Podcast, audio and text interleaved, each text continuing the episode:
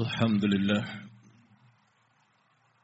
نحمده ونستعينه ونستغفره ونعوذ بالله من شرور أنفسنا ومن سيئات أعمالنا من يهده الله فلا مضل له ومن يضلل فلا هادي له أشهد أن لا إله إلا الله وحده لا شريك له.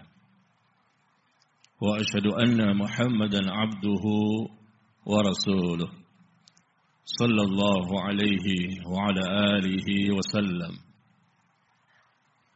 يا أيها الذين آمنوا اتقوا الله حق تقاته.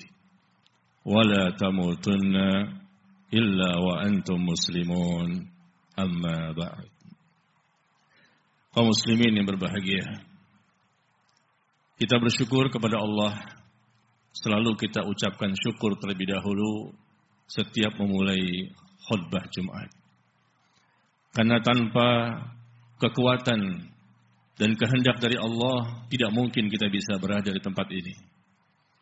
Kita bisa berada di sini karena nikmat yang Allah berikan kepada kita. Allah masih memberikan kepada kita nikmat iman, nikmat Islam, nikmat hidayah, dan nikmat taufik. Semoga kita semua senantiasa mampu mensyukuri nikmat yang Allah berikan kepada kita dan kita bisa istiqomah mensyukuri nikmat Allah sampai sampai akhir hayat kita. Jamaah kaum muslimin yang berbahagia. kita lihat manusia diperintahkan oleh Allah untuk beribadah sepanjang hayatnya sampai mati. Dan Allah sebutkan dalam Al-Quran, "Wa ma khalaqtul jinna wal insa illa liya'budun." Tidak aku ciptakan jin dan manusia kecuali untuk beribadah kepada aku. Tetapi dalam perjalanannya, kita lihat ternyata diri kita dan manusia yang lain banyak melakukan pelanggaran-pelanggaran. Banyak melakukan dosa dan kemaksiatan. Banyak melakukan berbagai macam perkara yang diharamkan oleh Allah dan Nabi-Nya alaihi salatu wassalam. Lalu kita bertanya kepada diri kita sendiri, kenapa saya mudah jatuh kepada perbuatan dosa? Kenapa saya sulit untuk menjadi orang yang taat kepada Allah? Kita bertanya kepada diri kita masing-masing. Karena kita sudah puluhan tahun menjadi muslim. Dan hari ini pun kita masih menjadi seorang muslim. Tapi kita belum mampu untuk menjadi orang yang saleh. Kita belum mampu menjadi orang yang bertakwa. Ada apa? Ternyata salah satu sebabnya adalah karena kita lupa dengan kehidupan alam akhirat. Kita lupa dengan kejadian yang akan terjadi di sana. Di mana proses yang sangat panjang manusia dibangkitkan dari kuburnya dan dikumpulkan di padang mahsyar.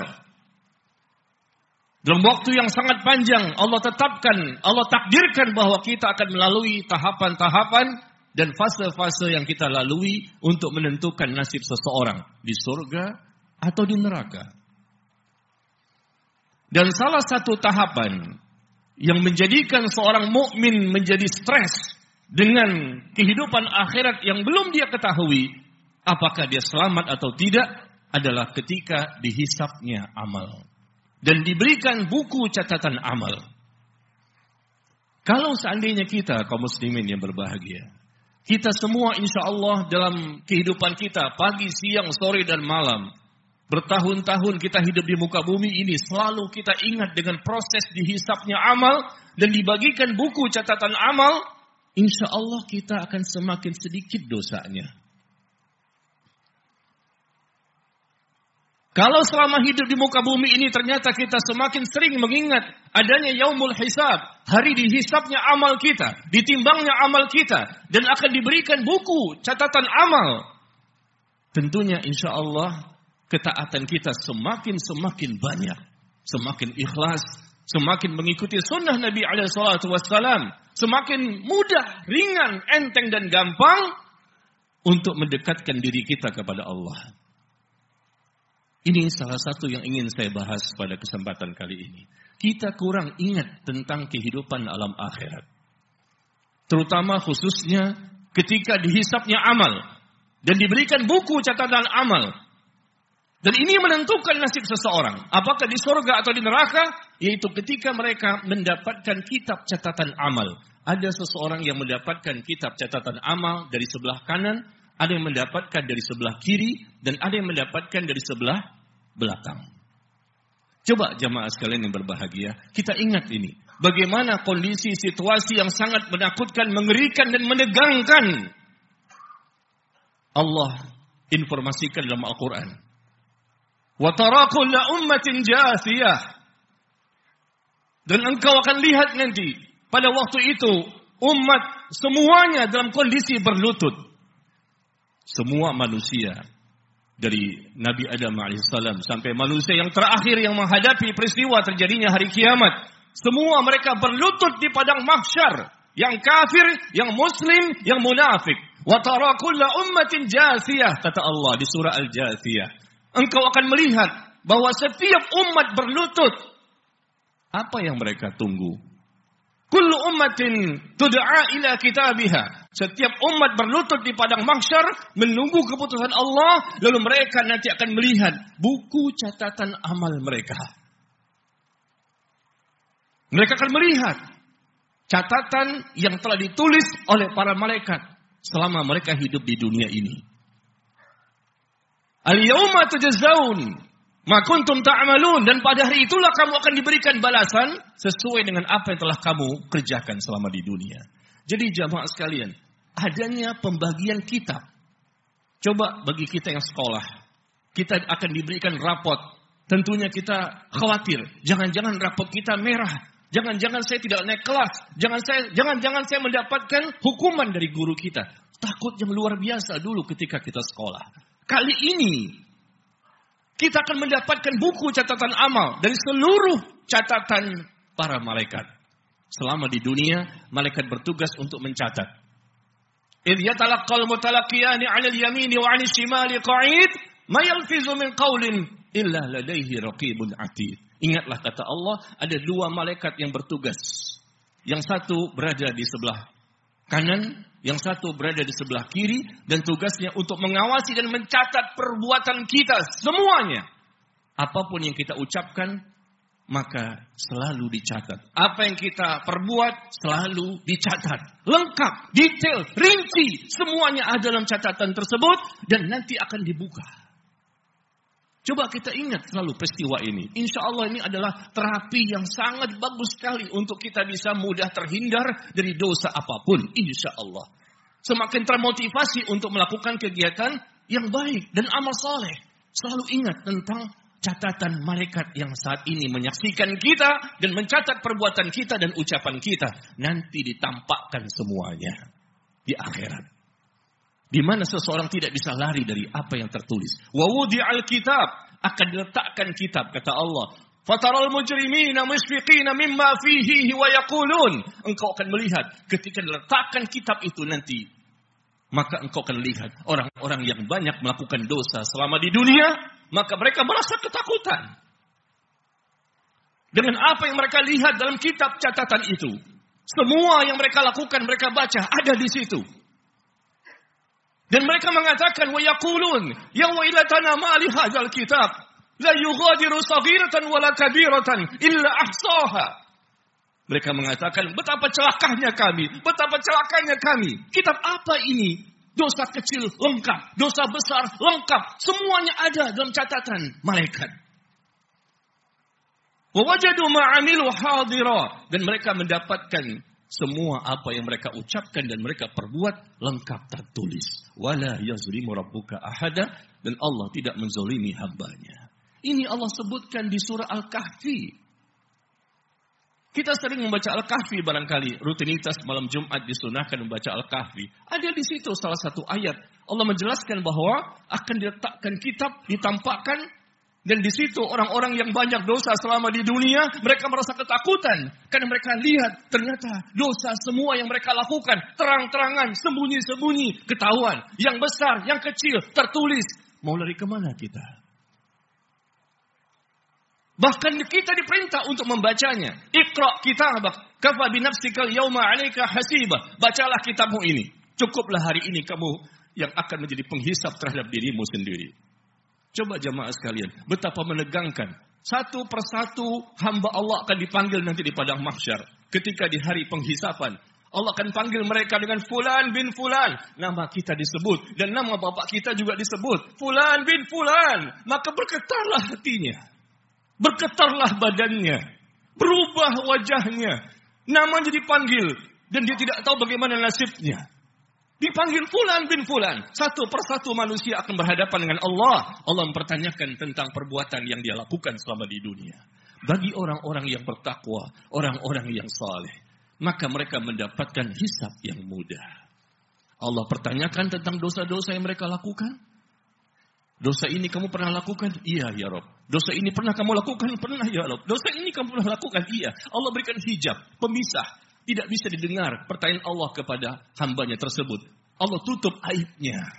Tidak didengar oleh hamba-hamba yang lain. Lalu dia merasa ketakutan. Sebetulnya dia orang bertakwa. Tapi dia lihat Allah telah membongkar semua aib dan dosa yang pernah dia lakukan. Dia ditulis oleh para malaikat. Tetapi kemudian Allah mengampuni hambanya tersebut. Ini artinya hisaban yasira. Fa amma man utiya kitabahu biyamini. Fasawfa yuhasabu hisaban yasira. Adapun orang-orang yang mendapatkan kitab catatan amal dari sebelah kanan. Maka dia akan mendapatkan hisab yang mudah. Hisab yang mudah ditanya satu persatu dosanya, dia mengaku. Dosa ini mengaku, dosa ini mengaku, lalu kemudian Allah ampuni hamba itu begitu saja. Itulah hisap yang mudah. Tapi yang paling tinggi tentunya orang yang masuk surga tanpa dihisap, tanpa diazab. Itulah yang tertinggi. Yang kedua adalah dihisap tapi dengan hisap yang mudah. Tapi yang nomor tiga ini dengan hisap yang berat. Dan ini ditujukan kepada siapa? Orang-orang kafir dan orang-orang munafik. Kita muslim semua. Iya, tapi kita tidak tahu apakah dalam penilaian Allah kita ini muslim munafik atau muslim yang mukmin bertakwa. Coba diingat jemaah sekalian. Proses ketika dihisapnya amal. Apa yang telah kita lakukan selama di dunia. La tazulu qadama 'abdin yaumal qiyamah hatta yus'ala an umrihi fima afna. Tidak akan bergeser, tidak akan bergerak, tidak akan beranjak kedua kaki seorang hamba nanti pada hari kiamat sampai ditanyakan tentang usianya untuk apa dihabiskan selama di dunia. Apa yang kita lakukan? Bertahun-tahun di dunia ini berleha-leha, bersantai-santai, dosa maksiat, kemaksiatan apa yang kedua tentang ilmunya, apakah telah diamalkan atau belum? Jangan menjadi orang yang suka koleksi ilmu, tapi tidak mengamalkan ilmu. Belajar, datang taklim, rutin datang, duduk dengar mencatat, tapi tidak mengamalkan. Allah akan pertanyakan kita nanti pada hari kiamat. Yang ketiga tentang harta kita. Dari mana kita mendapatkan dan ke mana kita infakkan. Yang keempat, wa anjismihi fima ablah. Tentang capek, letih, lelah kita jasad ini. Untuk apa selama di dunia. Maka kaum muslimin yang berbahagia. Allah jelaskan, "Yauma idzin tu'radun la takhfa minkum khafiyah." Pada hari itu kamu akan dihadapkan kepada Allah, tidak ada sedikit pun yang tersembunyi darimu di hadapan Allah tabaraka wa taala. Semuanya terbongkar. Dosa-dosa kita selama di dunia, mungkin manusia tidak tahu. Kita sembunyi-sembunyi, manusia tidak tahu. Yang ketahuan dihukum. Tetapi bisa jadi yang sembunyi-sembunyi lebih banyak. Dalam pandangan manusia kelihatan sekali orang-orang yang saleh, orang yang bertakwa, sering ke masjid, berjamaah, masya Allah. Tetapi bisa jadi ketika tidak ada manusia, maka mereka pun melakukan dosa demi dosa. Yastaghfuna minan nas wa yastaghfuna Allah. Mereka bisa bersembunyi dari manusia, tapi mereka tidak bisa bersembunyi dari Allah tabaraka wa taala. Coba lihat bagaimana Allah firmankan di surah Al-Haqqah Allah firmankan di surah Al-Haqqah tentang kejadian yang akan terjadi nanti setelah proses dihisapnya amal, maka orang pun akan mendapatkan buku kitab catatan amal. Saat kitab catatan amal dibagikan, di mana posisi kita? Fa'amma man utiya kitabahu biyamini. Fa'amma man utiya kitabahu biyamini. Fayaqulu umukra'u kitabiyah. Inni zonantu anni mulakin hisabiyah. Subhanallah. Allah sebutkan bahwa adapun orang-orang yang mendapatkan kitab catatan amal dari sebelah kanan, maka dia mengatakan, bacalah. Ambillah kitabku ini, bacalah. Betapa senang dia ketika dia melihat tulisan-tulisan yang tertera dalam buku tersebut yang ditulis oleh para malaikat selama di dunia dia menyuruh orang lain coba baca ambillah kitabku ini. Ini zonantu anni mulakin hisabiyah. Sesungguhnya aku termasuk orang yang yakin bahwa aku akan mengalami peristiwa seperti ini. Dihisapnya amal dan akan diberikan. Dan aku sudah mempersiapkan bekal semaksimal mungkin selama di dunia. Ini zonantu anni mulakin hisabiyah fahuwa fi 'aisyatir radiyah, maka dia mendapatkan kehidupan yang diridhoi. Fi jannatin 'aliyah, dia berada di sorga yang tinggi. Kutufuha daniyah, dia mendapatkan buah-buahan yang dekat yang gampang dia peroleh dan dikatakan kepadanya kulu washrabu hani'am bima aslaftum fil ayyamil khaliyah. Makanlah, minumlah dengan nikmat. Ini semua adalah ya balasan dari Allah atas apa yang telah kamu lakukan selama di dunia. Allahu Akbar. Kalau orang sudah mendapatkan pembagian buku, kitab catatan amal dari sebelah kanan, maka dia akan masuk surga. Dimudahkan proses berikutnya. Ketika melewati sirat, dia akan diselamatkan. Karena banyak orang yang melewati sirat, tercungkal, dan masuk ke neraka jahanam. Tapi orang yang mendapatkan kitab, inilah detik-detik menentukan nasib seseorang. Surga atau neraka. Karena dia mendapatkan kitab, dari situ dia tahu. Maka kalau kita ingat peristiwa ini, maka insya Allah kita akan lebih mudah untuk menjauhi dosa dan maksiat dan semakin taat kepada Allah. Nah, lanjutan dari surah Al-Haqqah tadi. Wa amma man utiya kitabahu bishimalihi fayaqul. Adapun kata Allah, orang-orang yang mendapatkan kitab catatan amal dari sebelah kiri, maka dia mengatakan, wa yaqulu ya laitani lam uta kitabiyah wa lam adri ma hisabiyah. يا ليتها كانت القاضية ما أغنى عني مالية هلك عني سلطانية خذوه فقلوه ثم الجحيم صلوه Allah ceritakan peristiwa yang pasti akan terjadi. Adapun orang-orang yang mendapatkan pembagian kitab catatan amal dari sebelah kiri, maka dia mengatakan, aduhai, alangkah sebaiknya aku tidak mendapatkan kitab ini. Aku tidak mengetahui bagaimana hisap yang akan terjadi pada diriku. Ya laitani lam uta kitabiyah. Ada alangkah sebaiknya sekiranya aku tidak mendapatkan kitab ini. Enggak mungkin. Semua akan dikasih satu persatu. Muslim, kafir, munafik semua mendapatkan. Hasil dari apa yang kita lakukan selama di dunia. Walam adrima hisabiyah. Aku tidak tahu bagaimana nasibku. Sudah jelas dia akan mendapatkan siksa Allah. Karena dia mendapatkan buku catatan amal dari sebelah kiri. Ya laitaha kanatil qadiyah. Dia merasa alangkah sebaiknya sekiranya kematian itulah yang menyudahi segala sesuatu. Begitu mati, selesai. Tidak ada lagi hari kebangkitan. Enggak bisa juga. Karena Allah sudah tetapkan bahwa kita akan dibangkitkan semua nanti pada hari kiamat. Ya laitaha kanatil qadiyah. Ma aghna anni maliyah. Habis semua harta yang kita miliki tidak bermanfaat di sana. Sia-sia. Halaka anni sultaniyah kekuasaan, kedudukan, kekuatan yang dimiliki selama di dunia tidak bermanfaat. Mana orang-orang yang sombong dengan hartanya? Mana orang-orang yang sombong dengan kedudukannya? Mereka bertempur, mereka berperang, saling memfitnah satu sama lain untuk mendapatkan harta dan kedudukan. Yang pasti mereka akan tinggalkan. Begitu besarnya dunia dalam pandangan mereka. Dan begitu kecilnya akhirat dalam pandangan mereka. Na'udzubillah. Orang yang membesarkan akhirat, orang yang membesarkan Allah, maka dunia kecil. Dia tidak akan mungkin berani untuk berbuat dosa. Semua pendosa siapa pun. Karena mereka membesarkan dunia dan mengecilkan akhirat. Dan mengecilkan Allah tabaraka wa ta'ala. Ketika mereka bertakbir Allahu Akbar dalam sholatnya. Mungkin mereka sholat ya dari subuh sampai isya. Berapa kali takbir kita? Dari subuh sampai isya. Itu baru sholat wajib. Belum sholat sunnah. Bertakbir. Allahu Akbar, Allahu Akbar. Seharusnya kita membesarkan Allah. Kita agungkan Allah, kita muliakan Allah, kita tinggikan Allah. Bukan hanya pengucapan lisan. Tapi dalam bukti kehidupan kita sehari-hari. Mana mungkin orang yang sudah mengucapkan takbir Allahu Akbar. Lalu mereka terus menerus dalam perbuatan dosa. Kita memang bukan malaikat. Kita manusia pasti pernah berbuat dosa. Tapi orang yang punya rasa takut kepada Allah. Mereka cinta kepada Allah. Mereka cinta dengan kehidupan alam akhirat. Insya Allah mereka bisa menjauhi semua perbuatan dosa besar. Pasti dengan izin Allah. Semua perbuatan dosa besar mampu dia jauhi. Dan perbuatan dosa kecil mampu dia perkecil. Sedikit demi sedikit diperkecil, sedikit demi sedikit diperkecil. Karena modalnya takut kepada Allah, terutama kejadian yang ada di alam kubur, takut mendapatkan siksa kubur, takut mendapatkan su'ul khatimah, takut mendapatkan hisap yang diperberat dan buku catatan amal dari sebelah kiri.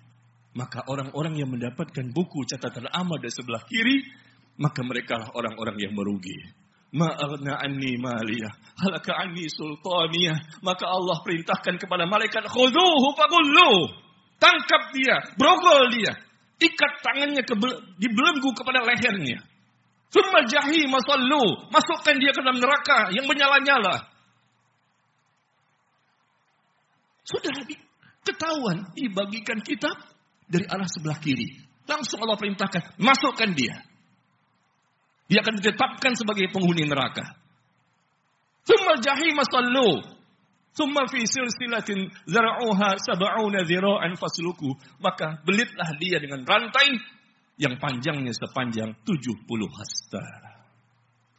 Coba jemaah sekalian ya. Sama-sama kita ini ingat dengan surah Al-Kahfi ayat ke-49 tentang pembagian kitab catatan amal. Yang kedua di surah Al-Haqqah tentang pembagian kitab catatan amal. Insya Allah. Kalau kita hafal bahkan surah ini, coba kita baca. Di rumah, sholat malam, bangun malam, baca surah Al-Kahfi itu. Wa al kitab فترى المجرمين مشفقين مما فيه ويقولون ويقولون يا ويلتنا ما لهذا الكتاب kita baca, kita renungi, kita pahami maknanya. Insya Allah dampaknya luar biasa ke hati. Hati semakin bersih. Hati semakin tumbuh rasa takut. Kenapa kita susah menjadi orang yang baik? Sekali lagi, karena kita lupa dengan negeri akhirat. Kita besarkan dunia. Seakan-akan dunia ini segala-galanya. Padahal dunia ini sedikit, sebentar, sementara. Dan pasti akan kita tinggalkan. Semoga Allah memberikan hidayah kepada kita semua. أقول قولي هذا وأستغفر الله لي ولكم.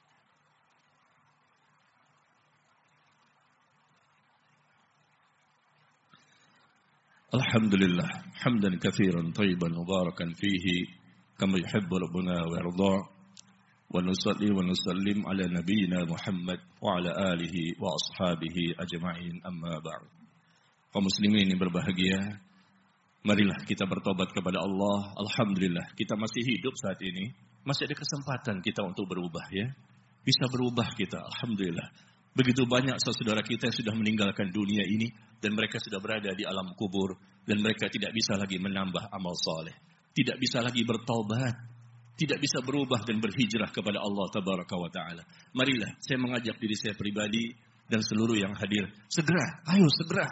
Jangan berlama-lama. Kita bertobat dan kembali kepada Allah. Kita bertauhid, kita mukmin, kita sembah Allah, kita berdoa kepada Allah dan kita beragama dengan mengikuti syariat yang telah dicontohkan, diamalkan, dipraktekkan, didakwahkan dan diajarkan oleh Nabi kita yang mulia Nabi Muhammad sallallahu alaihi wasallam. Semoga Allah senantiasa memberikan hidayah kepada kita. Allah berikan taufik kepada kita, dikuatkan iman kita, ditambahkan ilmu kita, dan diberikan kekuatan untuk bisa mengamalkan ilmu yang sudah kita pahami. Allahumma salli ala Muhammad wa ala ali Muhammad kama sallaita ala Ibrahim wa ala ali Ibrahim innaka Hamidum Majid.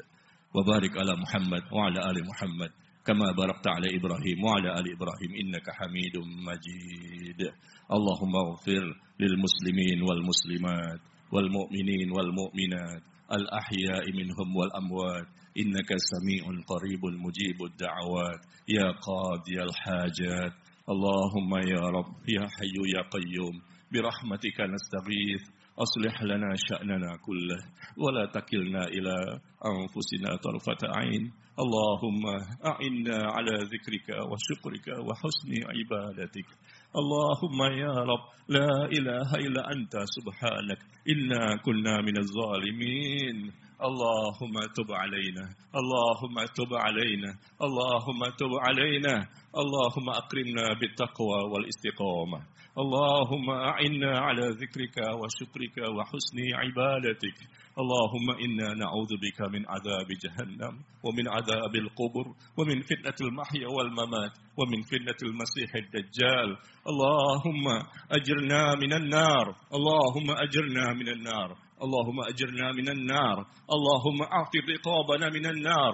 اللهم أعطي رقاب آبائنا وأمهاتنا من النار. اللهم هون علينا في سكرات الموت. اللهم إنا نسألك حسن الخاتمة ونعوذ بك من سوء الخاتمة. اللهم إنا نسألك حسن الخاتمة ونعوذ بك من سوء الخاتمة. اللهم يا رب اللهم اجعلنا من الصابرين. اللهم اجعلنا من المتقين. اللهم اجعلنا من الفائزين. برحمتك يا أرحم الراحمين. اللهم تقبل منا إنك أنت السميع العليم. وتب علينا إنك أنت التواب الرحيم. وصلى الله على نبينا محمد وعلى آله وأصحابه أجمعين. والحمد لله رب العالمين. أقيم الصلاة.